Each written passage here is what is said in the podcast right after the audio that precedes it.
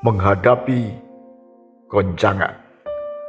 Jadi karena kita menerima kerajaan yang tidak tergoncangkan, marilah kita mengucap syukur dan beribadah kepada Allah menurut cara yang berkenan kepadanya dengan hormat dan takut. Ibrani 12 ayat 28 Pandemi COVID-19 menggoncangkan umat manusia karena kecepatan penularan dan akibatnya yang mematikan. Semua ini berakibat berubahnya tatanan yang ada. Semua orang diharuskan melakukan physical distancing. Perubahan cepat ini berakibat seluruh dunia mengalami tsunami ekonomi. Pengangguran terjadi di mana-mana Bahkan negara adidaya sekelas Amerika Serikat hari ini mengalami kerusuhan yang parah. Gelombang demonstrasi dan kerusuhan merebak ke berbagai kota. Pandemi COVID-19 benar-benar membuat umat manusia tak bisa menyombongkan kejayaannya. Manusia dipaksa mengubah perilaku lama dengan pola yang baru yang juga masih penuh ketidakpastian. Bisnis yang dulunya berjaya dan tak tergoyahkan hari ini runtuh dengan cepat. Ancaman besar bagi seluruh umat manusia karena dalam sistem ekonomi hancur dan ancaman maut tetap mengintip. Perubahan cepat akibat pandemi COVID-19 makin menyadarkan kita betapa rapuhnya kehidupan manusia. Tak ada yang bisa menyombongkan diri rasa percaya diri manusia tiba-tiba runtuh. Goncangan pandemi COVID-19 menguliti jati diri manusia sebenarnya. Ada yang masih berusaha terus berusaha berbuat baik dan menolong siapa pun walaupun keadaan dirinya juga tak pasti.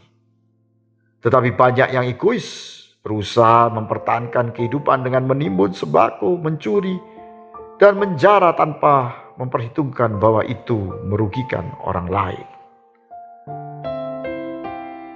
Hari ini kita berhadapan dengan keadaan new normal.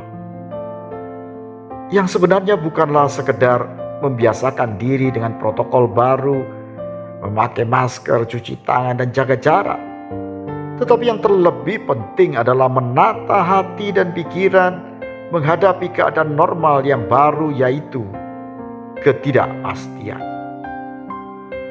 Ketidakpastian adalah keadaan kita saat ini.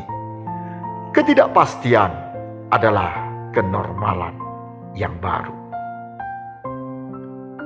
Penerapan ayat orang benar hidup karena iman menemukan platform atau landasan yang tepat saat era ketidakpastian saat ini. Kita tak bisa lagi mengandalkan kekuatan, kepandaian kita, pengalaman kita.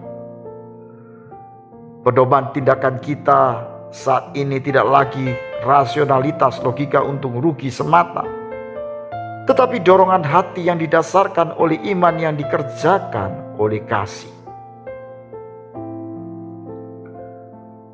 Sebab di dalamnya nyata kebenaran Allah yang bertolak dari iman dan memimpin kepada iman. Seperti ada tertulis, orang benar akan hidup oleh iman. Roma 1 ayat 17. Selain keadaan yang syarat ketidakpastian, hal yang menggoncang lain adalah terbatasnya hubungan sosial antara manusia. Manusia adalah makhluk sosial, sehingga tanpa hubungan sosial, maka terjadi kegampangan. Seperti ada sesuatu yang kurang, kebebasan berinteraksi terbatasi. Contohnya, anak-anak saat ini sudah ingin ke sekolah dan bertemu temannya. Kebiasaan baru harus terbentuk untuk mengisi kegampangan ini. Kita harus benar-benar menyiapkan mental menghadapi goncangan ini. Dan hanya kekuatan yang bersumber dari anugerah Tuhan yang dapat memberikan kekuatan kepada kita untuk menghadapinya. Sekali lagi, hanya bergantung semata kepada anugerahnya. Amin.